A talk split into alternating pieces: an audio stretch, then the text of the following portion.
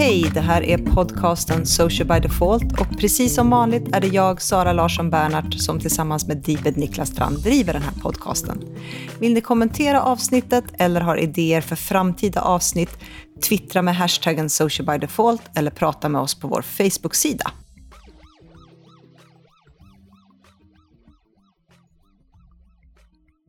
Hej Sara! Hej Niklas!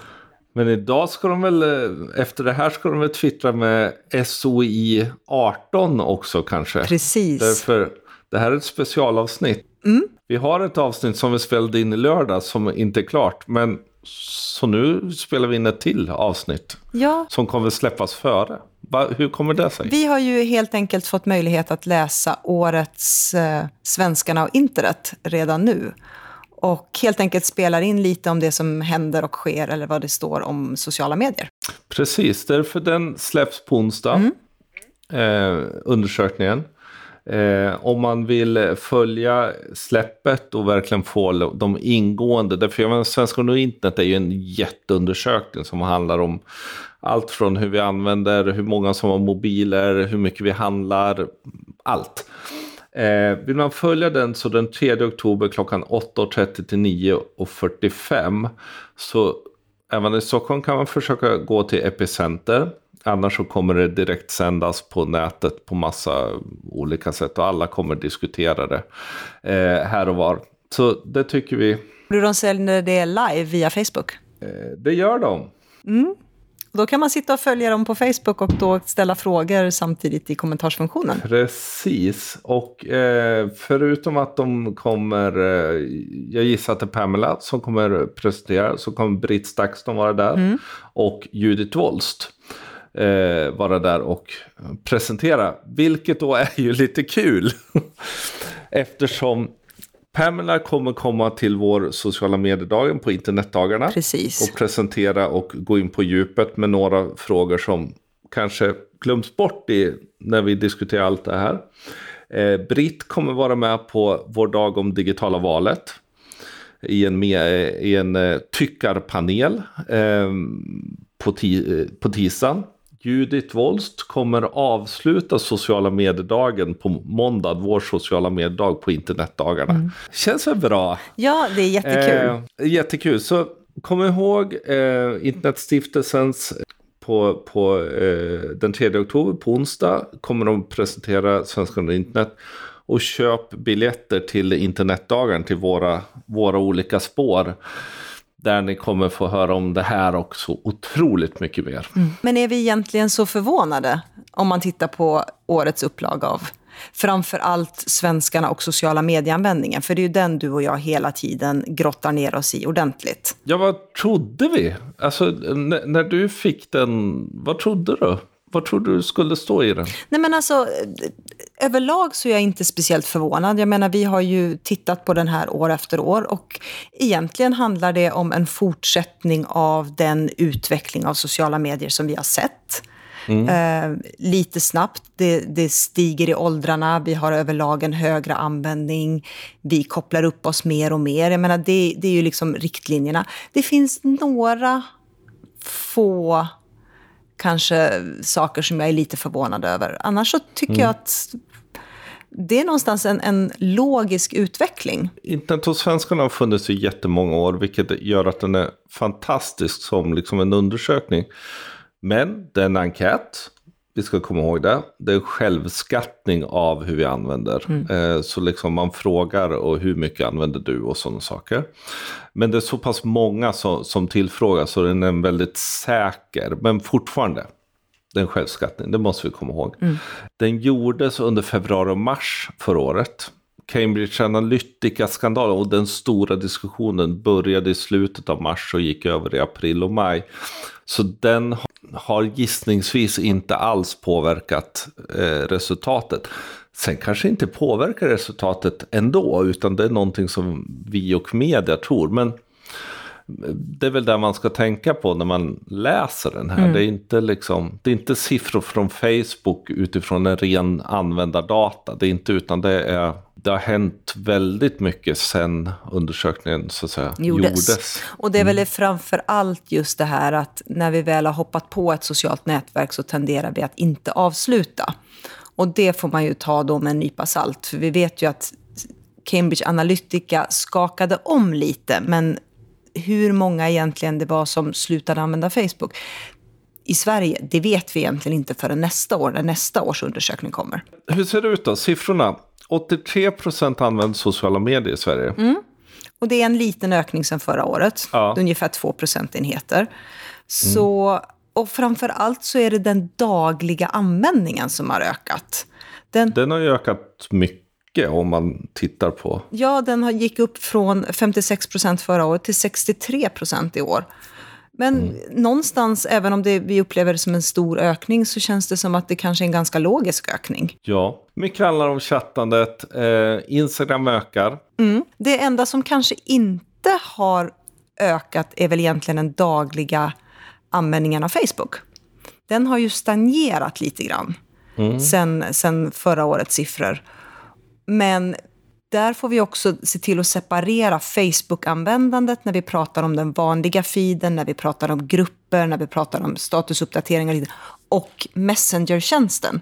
För det som vi ser i årets siffror är precis det du nämner, att just one-to-one, alltså DM, chattfunktioner och de apparna har fortsatt haft en, ök, en ökad tillväxt sen förra året. Mm. Och det kommer vi tillbaka till lite sen. Precis, och samtidigt då eftersom stagneringen har varit och det ökar så har saker minskat. Det är ju, alltså, det är ju viktigt att tänka på. Grupper, delningar, alltså, så det gamla Facebook delvis har stagnerat i en form och där framförallt de äldre där, där det ökar användandet medan det minskar upp till 35.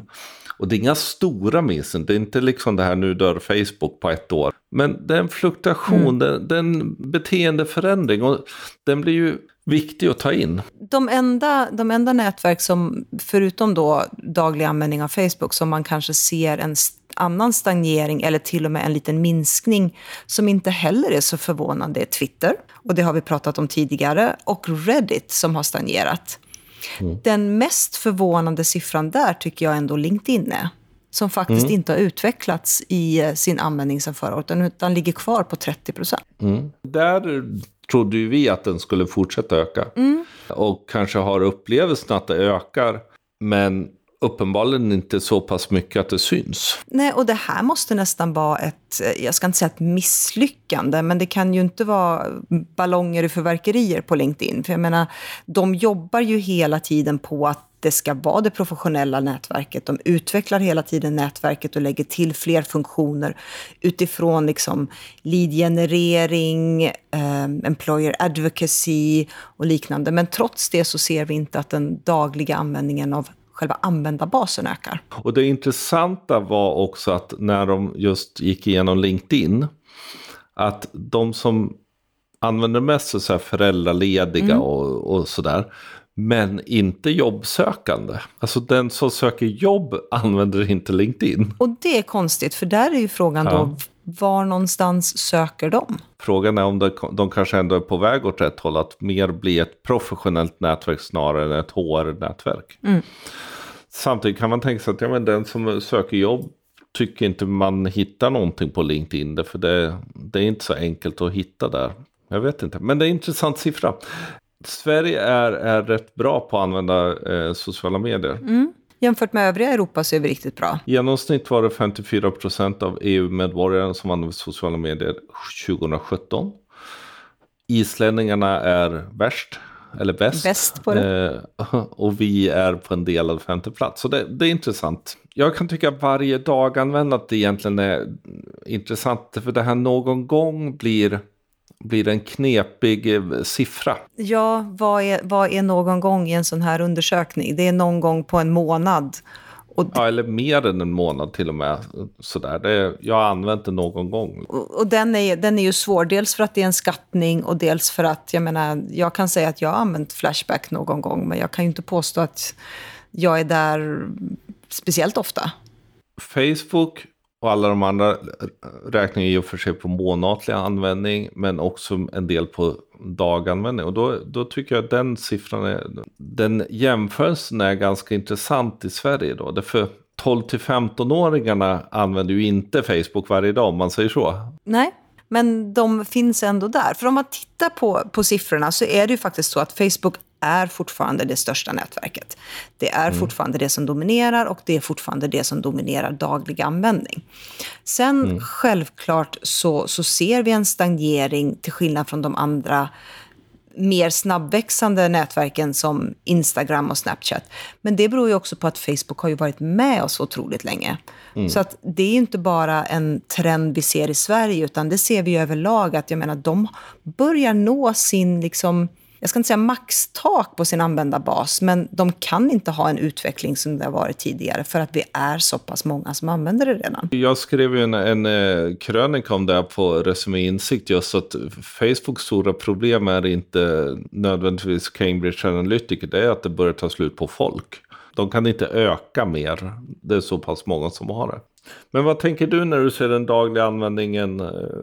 Det är ju Facebook, Insta och Snapchat de har tittat på det, för det är ju de som är de tre största. Alltså jag är inte så förvånad. Eh, att Instagram fortsätter växa, det är inte konstigt. Vi är fler och fler som kommer dit. Framför allt så har ju storyfunktionen gjort att daglig användning har blivit ett helt annat incitament också. Mm.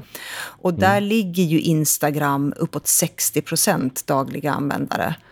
Att Snapchat också växer är inte heller konstigt. Jag menar, plattformen har blivit mer stabil. Den unga användarbasen börjar klättra uppåt i åren och det, nu ligger den största nykomlingsskaran upp mot 25 till 35 år. Och jag tycker också att det är en ganska naturlig utveckling. Dels för att vi har lärt oss att använda stories via Instagram så att steget därifrån till Snapchat är inte så det är jättestort egentligen. Sen är det ju två helt olika interface, men man lär sig ganska snart när man har hajat idén. Jag tycker den eh, dagliga användningen är, är intressant just utifrån det att Snapchat är så otroligt stort bland unga och sen i princip försvinner. Det är ju som de skriver, det är väldigt svårt att hitta någon 46-plussare, det vill säga min ålder, mm. som använder Snapchat varje dag. Liksom. Att det är svårt att göra det. Men samtidigt också hur dagliga 12 15-åringar 16 procent daglig för Facebook. Mm. 16 till 25, 71 procent daglig. Eh, och sen fortsätter där och där Facebook är störst. Och där är ju frågan lite där vi, är det så att man när man blir 16 faktiskt plötsligt behöver Facebook? Eller kommer vi se en minskning i 16-åringarna när 15-åringarna blir 16? Det är en jätteintressant fråga, för där är faktiskt den an det andra Eh, den andra siffran som jag är förvånad över. Den första var ju LinkedIns stagnering och det andra är att det ändå är så pass många som 16 eh, procent av 12 till 15-åringarna som faktiskt är på Facebook eh, dagligen. Mm. Den siffran är mycket högre än vad jag trodde. Din och min teori i alla fall är att ja, men de behöver egentligen inte Facebook. Nej. Eh, därför de har Snapchat, därför de pratar ändå bara med sina män, de människor som de också träffar IRL. Mm. Och, och de har Instagram och de mm. finns en del på WhatsApp. Det, den, det som är intressant också är att titta på den absolut största ökningen av dagliga användare ligger på plus 76 och är uppåt 25 procent nu. Mm. Och den siffran funderar jag lite på. Är det så att det är 66 75-åringarna som vi har sett utvecklas under de här åren som nu har börjat trilla över och mm. hamnar i 76 plus-spannet? Mm. Eller, eller är det så att det faktiskt är 76-plussare som öppnar upp ett Facebook-konto mm. från början? Och jag tror ju faktiskt att det här är rörelser snarare än eh, nödvändigtvis nya användare. Mm. Men, men det är ju något vi får fråga Pamela på internetdagarna om, om vi inte får reda på det någon annanstans. Därför samtidigt så ser, när jag tittar i, i Ad Manager så ser jag ingen ökning av användare. Nej. Markant. Det, det, är liksom så, så pass många som egentligen kan använda det. Som, men, men det är en väldigt intressant fråga. Därför det är ju, det är ju någonstans vad kommer vi se och, och, och vi tänkte ju avsluta kanske och fundera lite vad betyder det här för marknadsförare och kommunikatörer. Och det här är ju någonting som, det här är ju siffror som man måste fundera över. Mm. Beroende på vilken målgrupp man har. En intressant sak är att de grupper som är den största ökningen är ju att det är fler som använder sällan. Från noll till då och då. Mm. Så daglig användning för Facebook har inte ökat men däremot är det fler som använder det då och då. Och det kanske är återkommare många gånger. Alltså som en gång har man fixat ett någon gång 2011 och sen har man inte använt det så kommer det igen när man får en anledning. Det kan vara sån också. Och det är, det är ju lite fundera, alltså man, det, man behöver ju ändå fundera på kan man klara sig utan idag? Det kanske, var, det kanske är lättare idag än vad det var för ett antal år sedan eftersom det finns fler plattformar som man faktiskt kan skapa sina nätverk på. Samtidigt som Facebook är en del av vår sociala infrastruktur. Och där är frågan, kan man stå utanför eller vad innebär det när man står utanför? Mm. Då kanske man behöver ha det. Man är inte där inne dagligen, man uppdaterar inte särskilt ofta, men man har sina grupper och man, man besöker det när man verkligen har behovet. Och det finns ju i, i ett annat kapitel där de just pratar om eh, digitala klyftan. Mm. Att, att problemet är idag inte nödvändigtvis de som inte använder internet utan de som använder det sällan som upplever sig utanför det digitala samhället. Ja. Sen när det gäller Facebook då eh, så är ju den absolut populäraste funktionen där är ändå Messenger. Mm. Och det behöver vi också eh, ha med när vi, när vi tittar på det här. Att uppåt 81 procent använder Messenger som en DM-funktion eller som en chattfunktion. Och, och det här hänger ju såklart ihop med den stora övergripande vad ska man säga, privatiseringen av sociala mm. medier. Mm. Att vi har dragit in oss mer mot att chatta och DMa och man visar stories men där kommenteras det inte öppet utan till den som gör storyn. Och sen har vi WhatsApp och, och alla de andra. Och det är ju egentligen kanske inte heller om man tänker efter en, en speciellt konstig utveckling. För jag menar i sociala mediers början, när det fortfarande var nytt och spännande, och väldigt, då hade vi ju hela sharing is caring, vi var väldigt transparenta, vi delade allt, vi bjöd in alla vi kände eller hade känt i våra flöden. Medan vi har sett genom åren en, liksom någonstans, privatisering av den innersta sfären. Och nu kanske mm. pendeln har kommit hela vägen bort, vilket innebär att vi använder chattfunktioner och one-to-one eller slutna grupper på ett helt annat sätt och är inte lika transparent öppna med vad vi vill diskutera och dela och kommentera. Och det som är intressant i, i den delen, för det har de en egen liten eh, del om, det är ju någonstans att vi är, det är ju inte så att vi är, vi har ett chatt som vi bara använder och typ försöker trycka in alla andra utan Nej. vi använder upp till fem stycken. Många använder fler. Därför man har olika... Olika kluster som använder olika typer av Precis. chattfunktioner. Jag menar, titta på dig och mig. Vad, om vi ska titta på vad vi använder bara genom att kommunicera med varandra så har vi Twitter. Det är skitjobbigt, för du, man vet aldrig vart, du, vart det hamnar någonstans. Nej, men det är Twitter-DM för vissa nyheter. Det är Messenger såklart, det är Insta. Vi har WhatsApp, även om det inte är sådär jättevanligt. Och vi testade faktiskt till och med WeChat ett tag, men den, mm. den dog ganska snabbt. Men, men och där ser man samtidigt på dig. Jag menar, ni använder mycket WhatsApp i jobbet. Mm det gör vi. Här blir det ju antagligen det här att men där man är och så tänker man nu ska jag säga något till någon. Och så gör man det där. Alltså är man på Snapchat så chattar man där med någon. Är man på Instagram så chattar man där. Mm. Är man som du och jag så chattar man överallt. Och när man då ska hitta tillbaka till någonting så har man ingen som helst jävla aning om var, var grejerna låg. Hur, hur är våra beteenden då? När vi tittar i de här kanalerna. Om vi hänger kvar en liten, liten, liten stund till på Facebook så inser mm. vi ju att eh, Messenger, precis som vi har sagt, är det vi använder mest. Gruppfunktionen är ju nästa stora incitament då. Och mm. det landar ju också i den här lite mindre privatiseringen. Man, man bildar sina grupper. Inte fullt lika frekventa längre med våra statusuppdateringar. Och inte lika frekventa i att dela andras inlägg heller.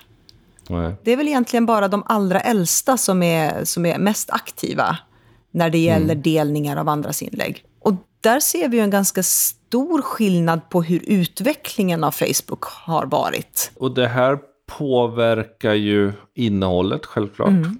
Att vi har en så pass markant minskning eh, av, av deltagandet. Alltså, delaktigheten i att faktiskt både dela andra, skriva egna någonstans. Gräsrotsaktiviteten minskar. Och det ställer ju framförallt till det för oss som kanske är där som varumärken och marknadsförare och faktiskt vill någonstans att folk ska tycka att det vi skapar är så pass bra att de vill dela det vidare. Det, det som jag tänkte på, eftersom du och jag använt Snapchat förut mm. och kan väl påstå att vår användning av det eh, är minskad. Ja. Och då att det är det tredje största. Jag, jag fick liksom lite samma känsla som, som, som, i politiken när det gäller vilka de tredje, vad fan kommer de här och stör?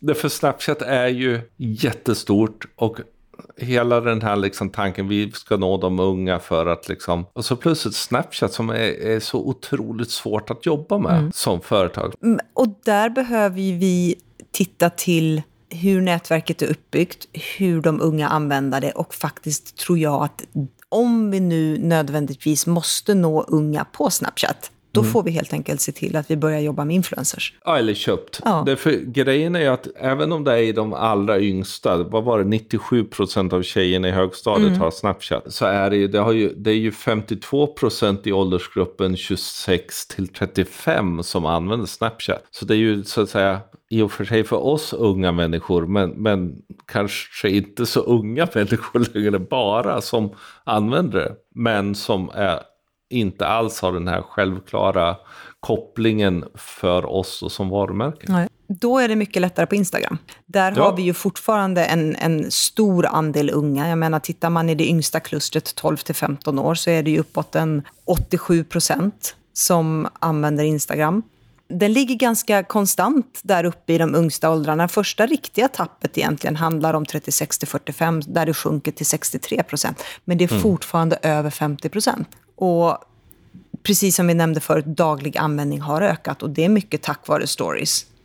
Du, mm, du får liksom ett incitament att hela tiden gå in och hålla dig uppdaterad. Och att, att blivit den här um, uppdaterings... Man uppdaterar sig på sina vänner, mm. sina influencers kanske sina favoritvarumärken på lite samma sätt som man gjorde på Facebook förr. Alltså det, det där beteendet kanske vi ser på Instagram. Mm. Jag tror nästan att vi skulle behöva göra ett eget program snart, ett nytt om Instagram utifrån vad som faktiskt har hänt. Första gången i år så mäter de Flashback.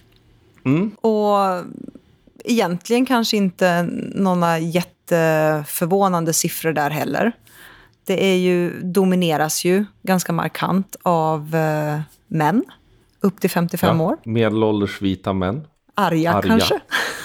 Det, för mig som har följt Flashback genom alla, jag menar det var typ det första nyhetsbrevet jag någonsin prenumererade på så var det Flashbacks. Någon gång där borta i forntiden, eh, runt 95. Så, så är, är, det lite fascinerande att plocka in Flashback här. För jag upplever all, inte det som ett socialt media egentligen. Men samtidigt så sker det en massa diskussioner. Så, och det är ju ett gammalt forum, så fine. Men, men det är ju väldigt mycket någon gång. Man går in om det är någonting man vill ta reda på. Liksom. Men det är extremt få som är aktiva dagligen.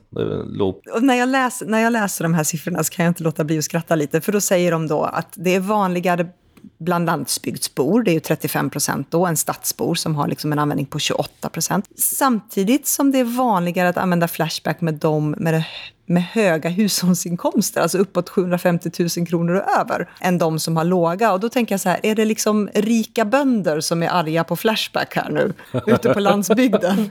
ja, just det. Men, men den siffran är ju för sig, generellt så ser man ju att den går igenom, att högsta användning, mest frekvent användning är de som har en högre utbildning, som har högre inkomster. Så det kanske slår igenom där. Men läser man på Flashback blir man ju samtidigt lite deppig. Därför man, man kanske förväntar sig att den som har någorlunda hög eh, inkomst kanske inte är så trollig. Men det är uppenbarligen så. Men, men det som är intressant är ju då att eh, om män är på Flashback så är kvinnor på Pinterest. För det är andra året nu de mäter Pinterest. Eh, Ja, och där kan man ju titta då att var femte använder Pinterest någon gång. Det är inte så där jättemånga, men framför allt så är det då eh, kvinnor. Och den högsta andelen kvinnor är 26 till 35. Där är det över 52 procent som använder det. Daglig användning är inte så där jättehög.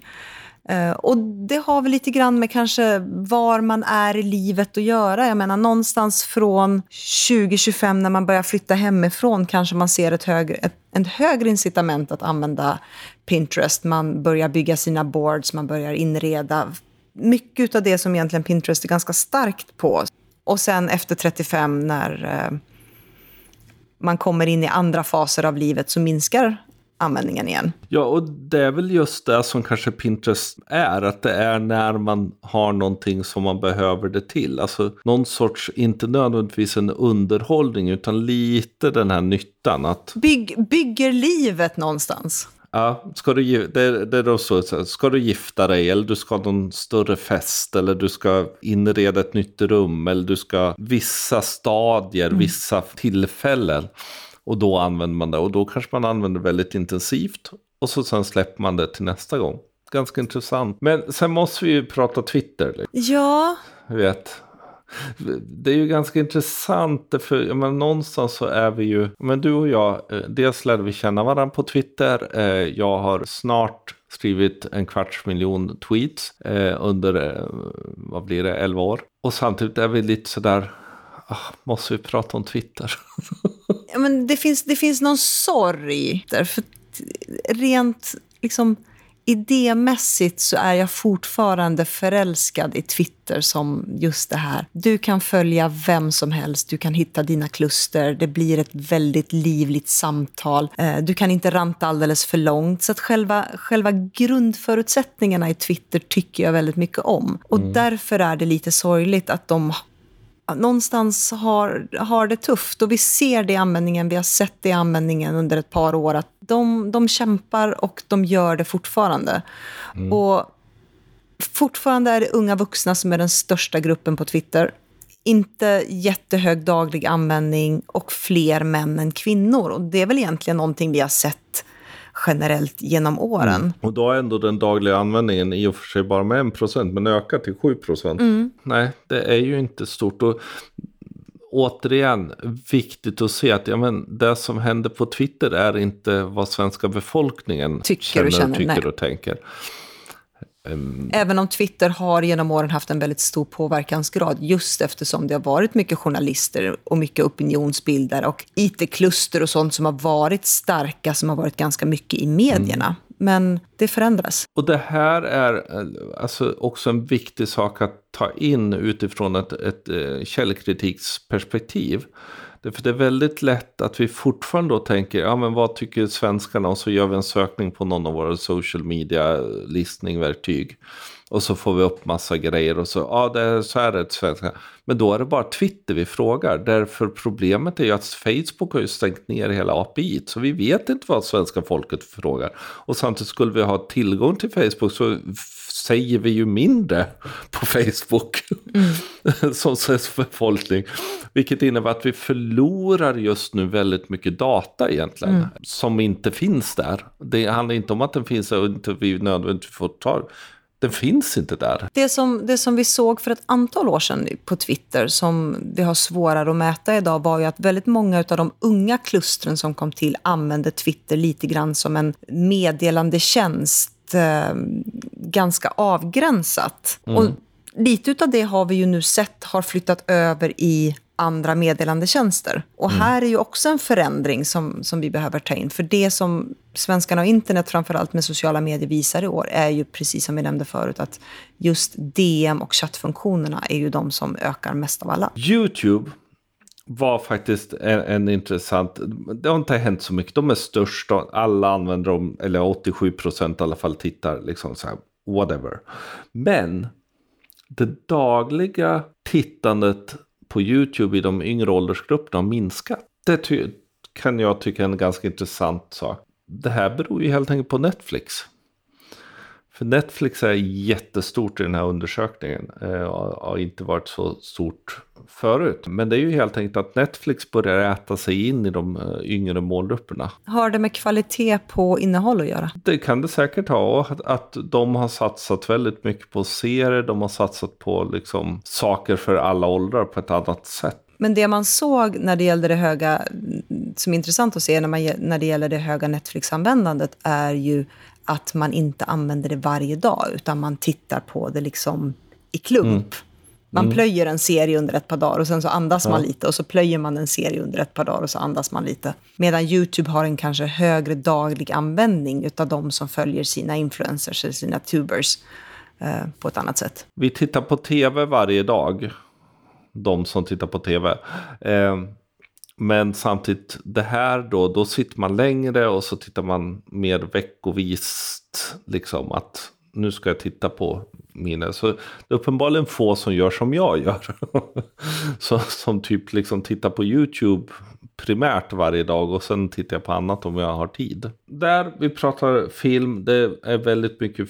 Men det som vi ser ju att eh, ljud på internet ökar ju. Vi sitter ju och gör en podd och det känns som alla startar podd just nu. Är det dumt eller är det bra? Nej men det är ju vettigt med tanke på att vi ser hur användningen utav mobila enheter och framförallt då ljud på nätet bara ökar. För tre år sedan så var siffran runt 29 procent som regelbundet lyssnade på podd.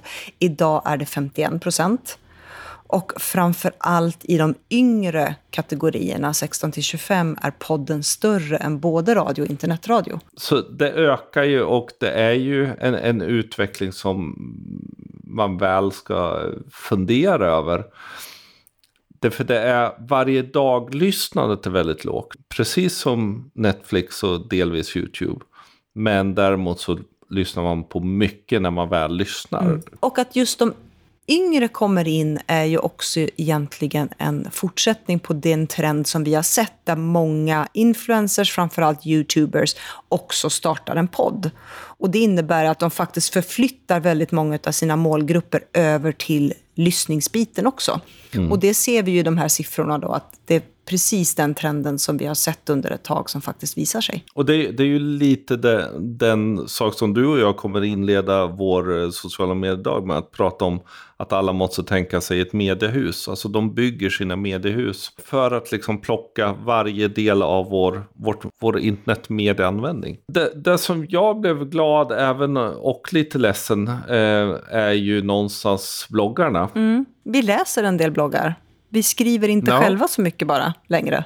Nej, den, den känns ju som den har stått still hur länge som helst när det gäller eh, lä läsandet av bloggar. Men 53 procent läser en blogg mm. av internetanvändarna. Det är ju jättebra.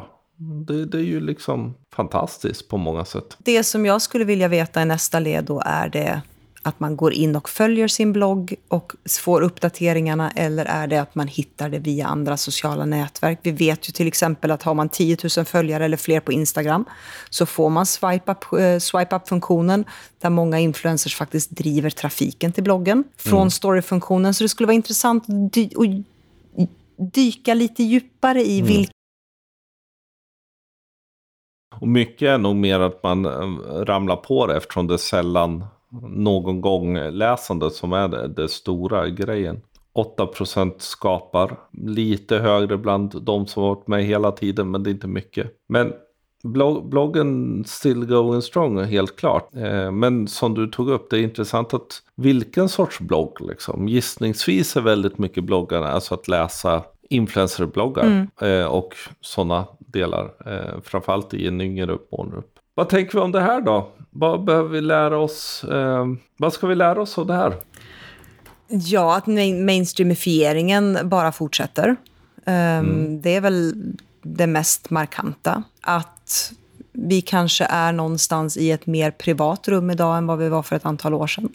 Och eh, funderingen är när svänger pendeln tillbaka?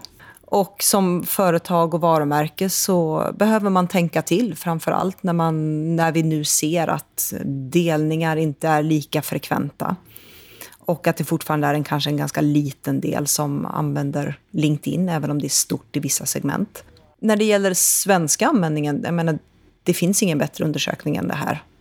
Eh, och vi behöver lära oss utav den och se hur vi kan använda det på ett bra sätt. För mig kanske lite mer deprimerande utvecklingen är ju att det blir mindre socialt och mer media. Någon sorts liksom flöden. Som du var inne på, eh, mindre delningar. Samtidigt har vi en algoritm som vi behöver hantera. Vilket innebär ju att vi måste ju driva mer mot engagemang. Men inse liksom att delningarna är kanske på väg att inte bli det högsta kapitalet. Nej. Algoritmkapitalet. Utan det är kommentarer, det är reaktioner som mm. vi behöver rikta oss mot. Vilket ju innebär att vi får en lite annan tänkande. Och svårt att, att ta in kan jag nästan tycka. Behöver vi börja prata dark social igen? Ja, och framförallt börja titta på köpt i, i meddelandetjänster. Liksom, meddelandetjänsterna. Att hur gör man det? För det är ju extremt intrusivt. Så vi kan förstöra dem också. Ja, precis. Därför det går ju att eh, köpa på Messenger. Mm. Så är det ju. De jag har sett har varit skitdåliga. Jag skulle så... precis säga, jag kan inte komma ihåg en enda gång när en, en annons eller en har dykt upp i Messenger som jag faktiskt har klickat på. Nej, jag tar bort dem, för de är inte relevanta. De har inget där att göra, ens för mig. Som, eh, så, så, men, men, det är klart att vi måste titta på det. Mm. Hela den här utvecklingen skulle jag säga driver jättemycket mot köpt.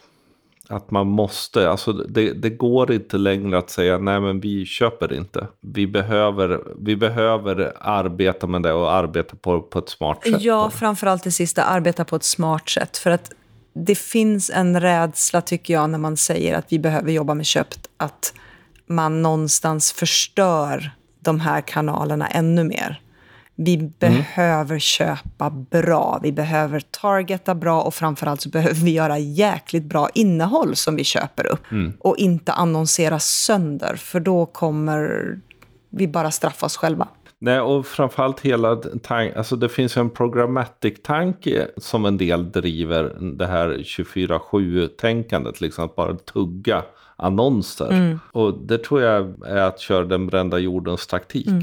Och där tror jag också en viktig sak att vi behöver sluta tänka någon sorts kortsiktigt att nu ska vi nå det här och typ när sådana som du och jag kommer säga ja men det där är inget bra, ja, ja men vi behöver nå det här målet. Ja men då har ni ju fel mål för att eh, förstå sociala medier. Eh, och där, där tror jag troligt viktigt att ta till sig de här siffrorna och se att ja, men det förändras. Och det handlar inte om att sluta använda sociala medier, men att använda mycket smartare. Och med de orden så får vi avsluta den här specialpodden. Som sagt, titta in på IIS och Svenskarna och internet på onsdag när den släpps. Grotta mm. ner er i alla kapitel, för alla är lika intressanta. Glöm inte titta in hos Joakim Jardenberg och En sak idag, för han kommer prata om dels sociala medier, men framförallt en hel del annat som också tas upp i den här undersökningen. Han kommer garanterat ta upp att det är fler som läser nyheter på nätet än som läser i papperstidningar. Hoppas vi har givit er lite spännande insikter och eh, som sagt, köp biljetter till internetdagarna och få möjlighet att höra Pamela prata om det här i realtid. Precis, och vi lägger i våra show notes lägger vi eh, länkar till eh, undersökningen som finns som pdf eller på webben. Vi lägger en liten länk då till internetdagarna som vi tycker eh, med en liten möjlighet till att få det lite billigare. Och det blir väl de länkar som blir nu tror jag. Mm. När jag tänker efter. Glöm inte att prenumerera på vår podcast. Vi finns som vanligt på iTunes, Soundcloud, Acast och Stitcher. Och det är bara att söka på Social by Default. Om ni gillar den, ge den betyg, recensera den. Det är jätteroligt att läsa. Prata med oss på internetset, hashtag social by default. Eller jag heter Deeped överallt. Och jag heter Sanasi LB överallt. Hej då.